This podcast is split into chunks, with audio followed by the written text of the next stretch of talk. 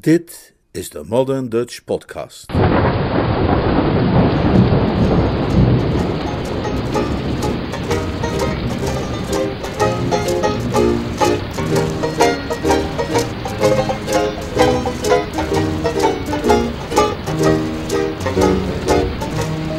Noodweer op kasteel Blandings. Een roman van P.G. Woodhouse, Summer Lightning, vertaald en voorgelezen door Leonard Beuk. Hoofdstuk 8, deel 2. Beach keek toe hoe Hugo door de open voordeur naar buiten verdween. Hoorde nog enige tijd zijn voetstappen op het grind en verviel tenslotte opnieuw in overpeinzing. Hoe gaarne zou hij, bedacht hij, wanneer het niet de plannen van Mr. Ronald zou hebben verstoord, zijn werkgever in het oor hebben gefluisterd terwijl hij diens glas bijvulde tijdens het diner. Uw varken bevindt zich in de boswachterswoning in het Westerbos, Lord Emsworth. Tot uw dienst, milord. Maar dat zat er niet in. Zijn gezicht vertrok als door een plotselinge pijn. Jonkheer Galahad naderde vanuit de rookkamer. Ik dacht er juist aan dat ik jou nog iets wilde vragen, Peach. Je hebt toch voor de oude generaal Magnus gewerkt voordat je hier kwam, is het niet? Jawel, Mr. Galahad. Dan kun jij mij misschien wel vertellen hoe het precies zat met die kwestie in 1912. Ik weet dat de oude heer die knaap van Mendeville driemaal rond het gazon heeft gejaagd in zijn pyjama, maar heeft hij daarna alleen maar geprobeerd hem aan het broodmes te rijgen, of is dat toen ook werkelijk gelukt? Ik zou het u niet kunnen zeggen, meneer. Ik heb niet de eer gehad daarover in vertrouwen te zijn genomen, meneer. Dat is nu bliksemsvervelend, zei jonker Galahad. Ik heb dat soort dingen graag correct. Hij keek de butler ontevreden aan terwijl die zich omdraaide. Hij was er meer dan ooit van overtuigd dat de brave man iets dwars had. Je kon het alleen al zien aan de manier waarop hij nu wegliep. Hij wilde juist teruggaan naar de rookkamer toen zijn broer Clarence de hal binnenkwam. En er was iets zo opgewekts in Lord Emsworth's pas dat hij gefascineerd bleef staan. Het leek jonker Galahad jaren geleden dat hij op kasteel Blandings iemand zo vrolijk had zien kijken. Lieve hemel, Clarence, wat is er gebeurd? Hoezo, beste jongen? Nou ja, je bent een en al glimlach en je loopt bij kans te huppelen. Heb je dat varken gevonden achter de kast of zo? Lord Emsworth straalde. De, de, nee, nee, nee, maar, maar, maar ik heb uit, uitstekend nieuws gekregen, Galahad, weet je. Die, die, die detective, waar, waar ik die jongen van Kammer die op had afgestuurd, weet je wel. Dat uh, mannetje van bureau Argus is toch nog gekomen.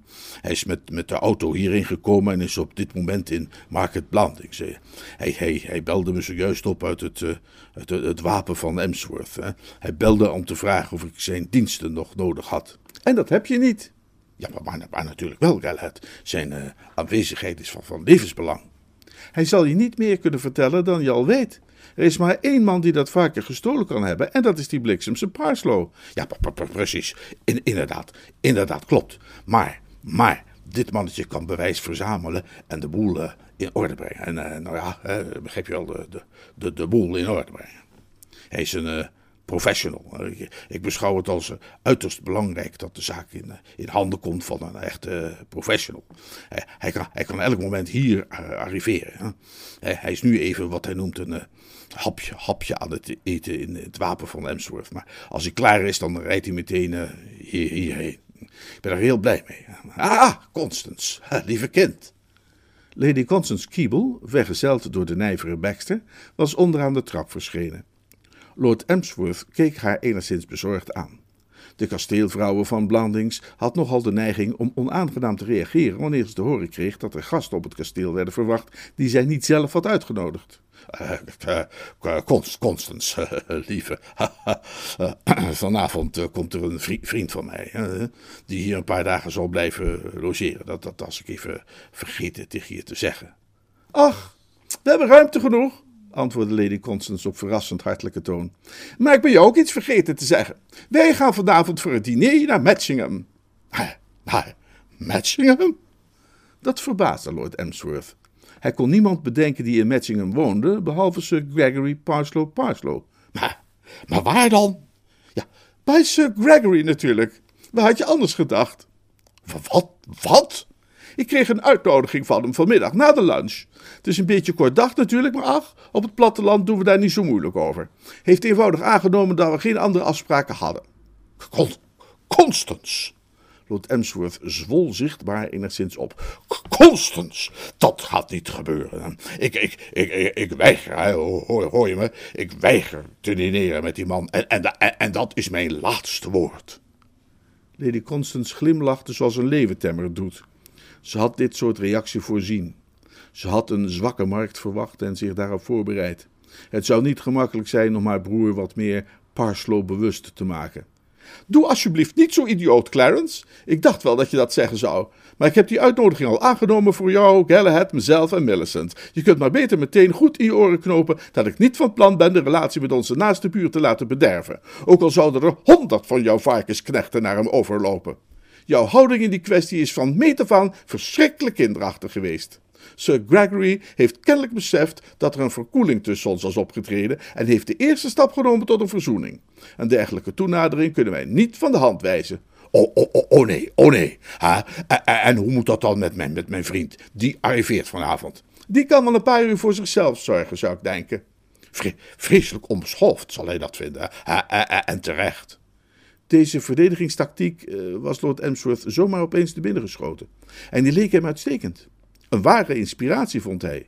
Ik, ik, ik, ik, nodig mijn vriend uh, Pilbeam uit hè, om bij ons op bezoek te komen. En als hij dan aankomt, dan doen we verdorie net zelf de deur open en zeggen: Ah, ah, ah Pilbeam, ben je daar? Je vermaakt je wel, hè, Pilbeam? Nou, wij gaan er vandoor. En, en, en, dan die mis, dat, dat Amerikaanse meisje. Wat zal dat kind wel niet denken? Zei jij Pilbeam? vroeg jonkheer Galahad. Die praatjes hebben geen zin, Clarence. Wij dineren om acht uur op Matchingham Hall. En zorg er alsjeblieft voor dat je avondkostuum een beetje fatsoenlijk geperst is. Schel maar meteen even om Beach en zeg het hem.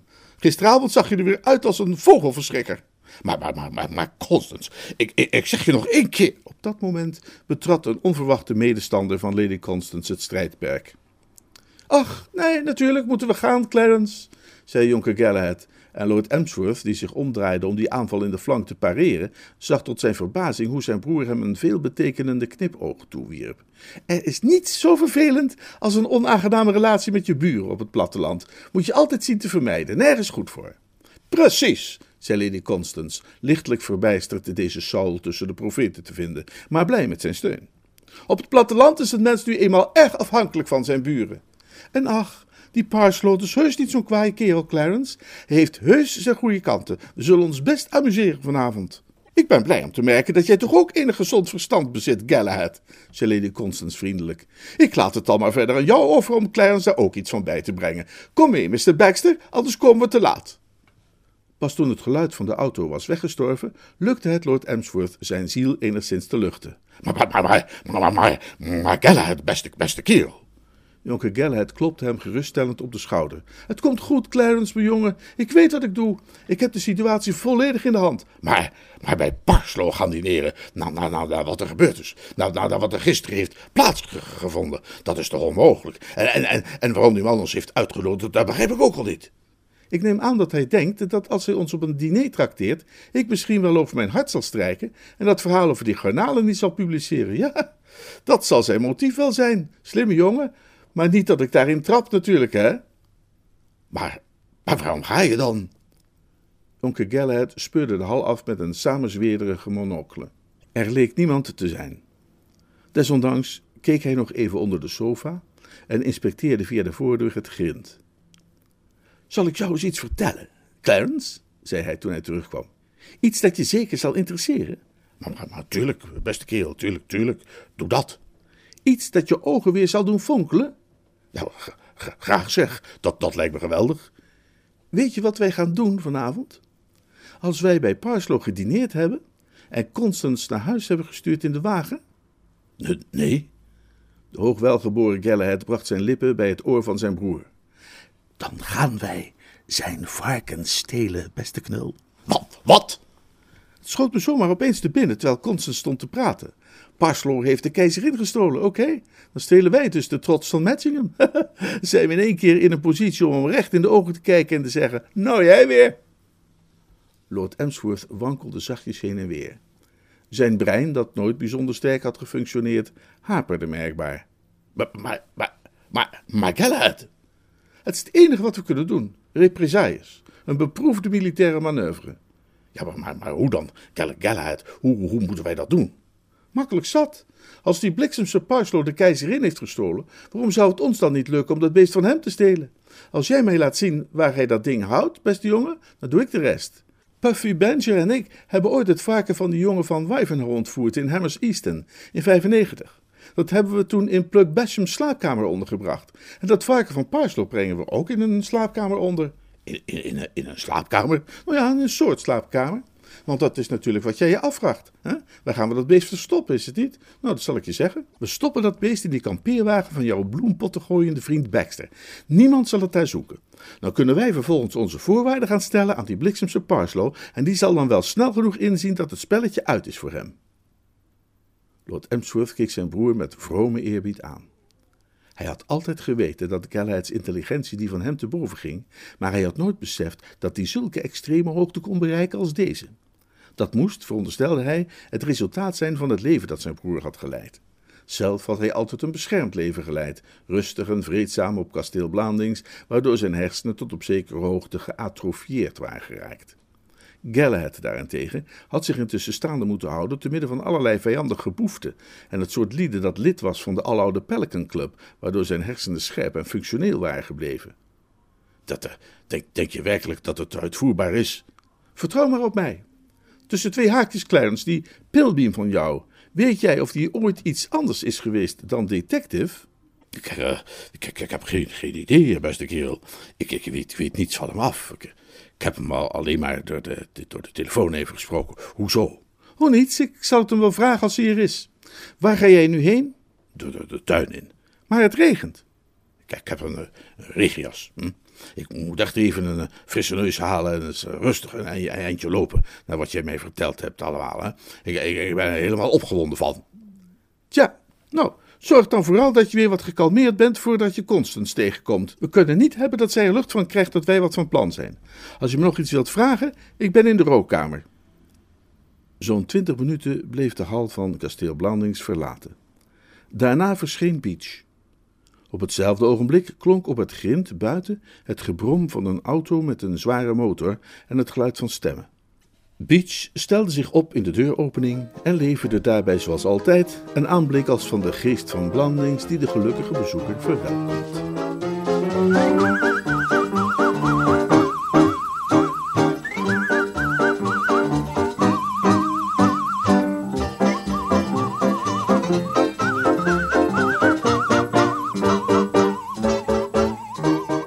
Hoofdstuk 9 Sue maakt haar entree.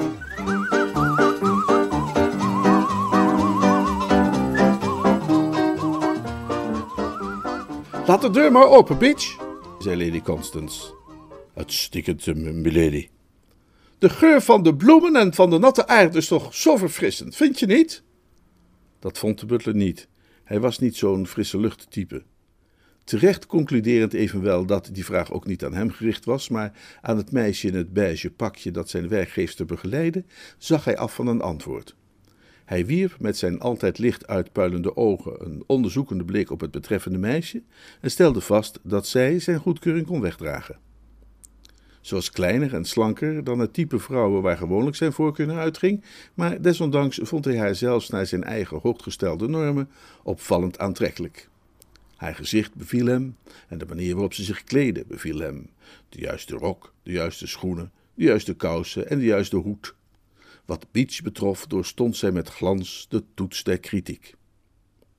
Haar houding beviel hem ook uitstekend. Te oordelen naar de blos op haar gezicht en de fonkeling in haar ogen, riep haar eerste kennismaking met kasteel Blandings precies de juiste mate van eerbiedige bewondering bij haar op. Het betekende kennelijk iets voor haar om hier op Blandings te zijn. Het was een bijzondere gebeurtenis in haar leven, dat was te zien. En Beach, die zoveel jaren binnen de muren van het kasteel had doorgebracht en het een beetje als zijn persoonlijk eigendom was gaan beschouwen, voelde zich dankbaar en gevleid.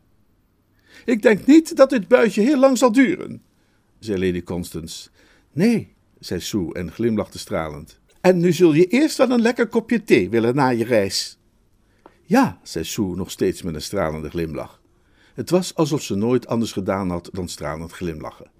Vanaf het moment dat ze uit de trein was gestapt en zich op het perron zag opgewacht door haar ontzagwekkende gastvrouw en een zekere vreemd sinistere heer Baxter, was ze begonnen stralend te glimlachen en was daar niet meer mee opgehouden. Gewoonlijk drinken we thee op het gazon. Heerlijk is het daar. Oh, dat geloof ik graag. Als die bui straks over is, moet u Miss Shoemaker beslist de rozentuin even laten zien, Mr. Baxter. Dat zal mij een genoegen zijn, zei de nijvere Baxter. Zijn brillenglazen blikkerden in haar richting en Sue werd heel even door paniek gegrepen. Ze vreesde dat die man haar geheim meteen al had doorzien.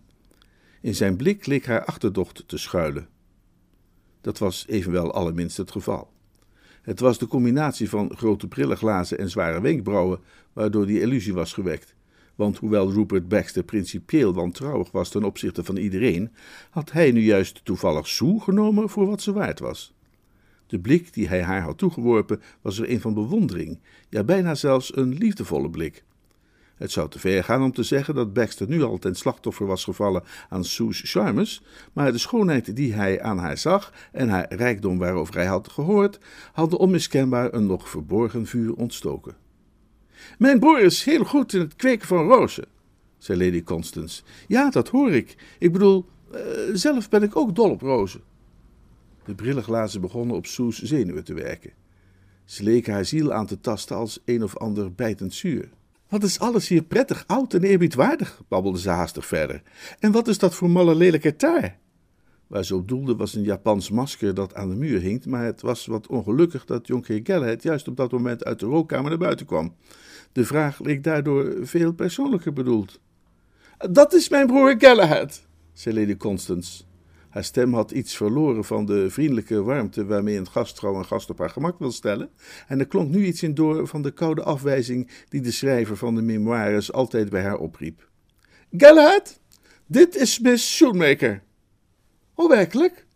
De hoogwelgeboren Galahad draafde haastig dichterbij. Is dat zo? Alle mensen zeg, heel bijzonder. Hoe maakt u het? zei Sue en glimlachte stralend. En hoe maak jij het, kindje? Ik ben altijd heel goed met jouw vader bevriend geweest. Haar stralende glimlach doofde. Sue had deze hele onderneming zo zorgvuldig mogelijk gepland en zich proberen voor te bereiden op alle mogelijke valkuilen, maar dat ze mensen tegen zou komen die heel goed bevriend waren met Mr. Shoemaker, had ze niet voorzien. Ik heb hem de laatste jaren natuurlijk niet meer ontmoet. Dat zal, laten zien, wel zo'n 25 jaar geleden zijn. Oh ja, zeker 25 jaar. Het was voorbestemd dat een warme en trouwe vriendschap zou ontspruiten tussen Sue en de hoogwelgeboren Galahad Fleetwood, maar zolang die vriendschap zou duren, voelde ze nooit meer zo'n golf van hartelijke genegenheid opwellen als nu. Toen was ik nog niet geboren, zei ze. Onkel Galahad babbelde vrolijk verder. Een geweldige kerel, die brave Johnny. Er staan ook een paar verhalen over hem in mijn boek. Ik ben mijn memoires aan het schrijven, moet je weten. Een echte sportman ook, Johnny. Vreselijk vond hij het, weet ik nog, die keer dat hij zijn been brak en het ziekenhuis in moest midden in het wedrenseizoen. Maar hij maakte ervan wat hij kon. Hij wist de verpleegsters in de paardenrennen te interesseren. Hij liet ze bij hem wedden met fruit en snoep en sigaretten en dat soort dingen als inzet. Ik weet nog dat hij zich erg bezorgd maakte op een keer toen ik bij hem op bezoek kwam. Hij was altijd heel scrupuleus met uitbetalen en vond het vreselijk als hij niet aan zijn verplichtingen kon voldoen. Een van de meisjes had een saucijsbroodje ingezet op de winnaar van de race van 3 uur 15 tegen 8. En het lukte hem maar niet om precies uit te rekenen wat hij nu schuldig was. Sue lachte dankbaar om zijn verhaal, maar bespeurde intussen de nadering van een druilerige gestalte. Mijn nichtje Millicent, zei Lady Constance. Millicent, liefje, dit is Miss Shoemaker. Hoe maakt u het? zei Sue met een stralende glimlach. Hoe maakt u het? Zei Millicent met een stem alsof ze de rust van het graf doorbrak.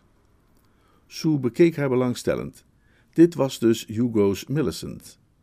Haar aanblik deed Sue zich afvragen waar Hugo's hartstochtelijke verering voor dit meisje vandaan kwam. Millicent was een heel knap meisje, maar Sue had gedacht dat iemand met Hugo's extraverte geaardheid de voorkeur gegeven zou hebben aan een meer levendig type. Ze schrok toen ze een verraste blik zag verschijnen in Millicent's oog. In de gevoelige situatie waarin ze verkeerde, had zij geen lust verrassingen te veroorzaken bij wie dan ook. De kennis van Ronnie? vroeg Millicent. De Miss Shoemaker die Ronnie ontmoet heeft in Biarritz? Inderdaad, zei Sue flauwtjes. Maar ik had de indruk gekregen dat u erg lang was. Ik weet bijna zeker dat Ronnie dat tegen me gezegd heeft. ja, die jongen vindt natuurlijk iedereen lang, zei jonker Galahad. Sue kon weer ademhalen. Ze had opnieuw het gevoel gekregen dat alle botten in haar lichaam slap geworden waren, net als toen Jonkheer Galahad had gezegd dat hij altijd zo'n goede vriend was geweest van haar vader. Maar hoewel ze nu weer ademhaalde, voelde zij zich nog erg slapjes. Het leven op Blannis Castle beloofde bijzonder enerverend te worden. Ze ging een beetje duizelig zitten. Baxter's brillenglazen schenen haar achterdochtiger te schitteren dan ooit. Heb jij Ronald ergens gezien, Millicent? vroeg Lady Constance. Sinds de lunch niet meer. Ik denk dat hij ergens buiten is.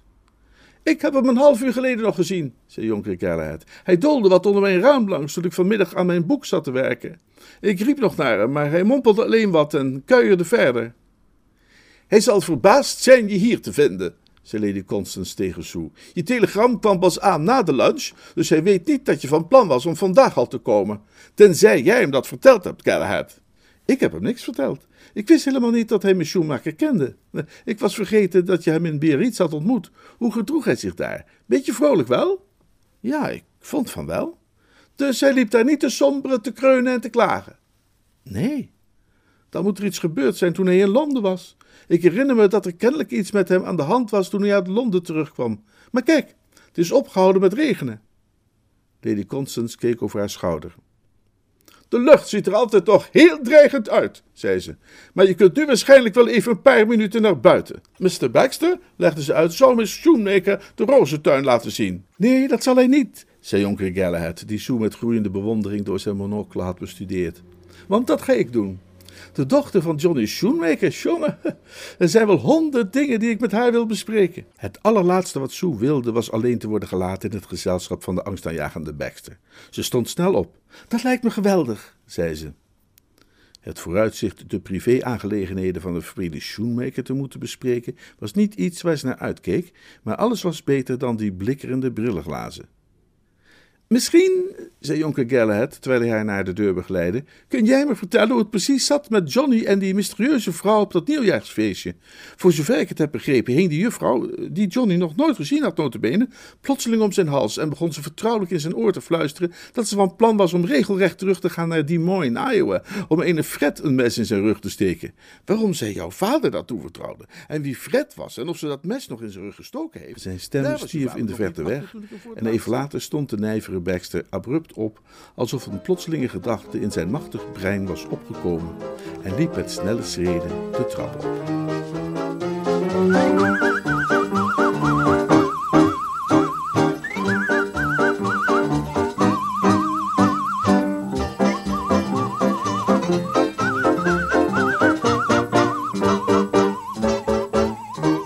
Hoofdstuk 10 Een schok voor Sue.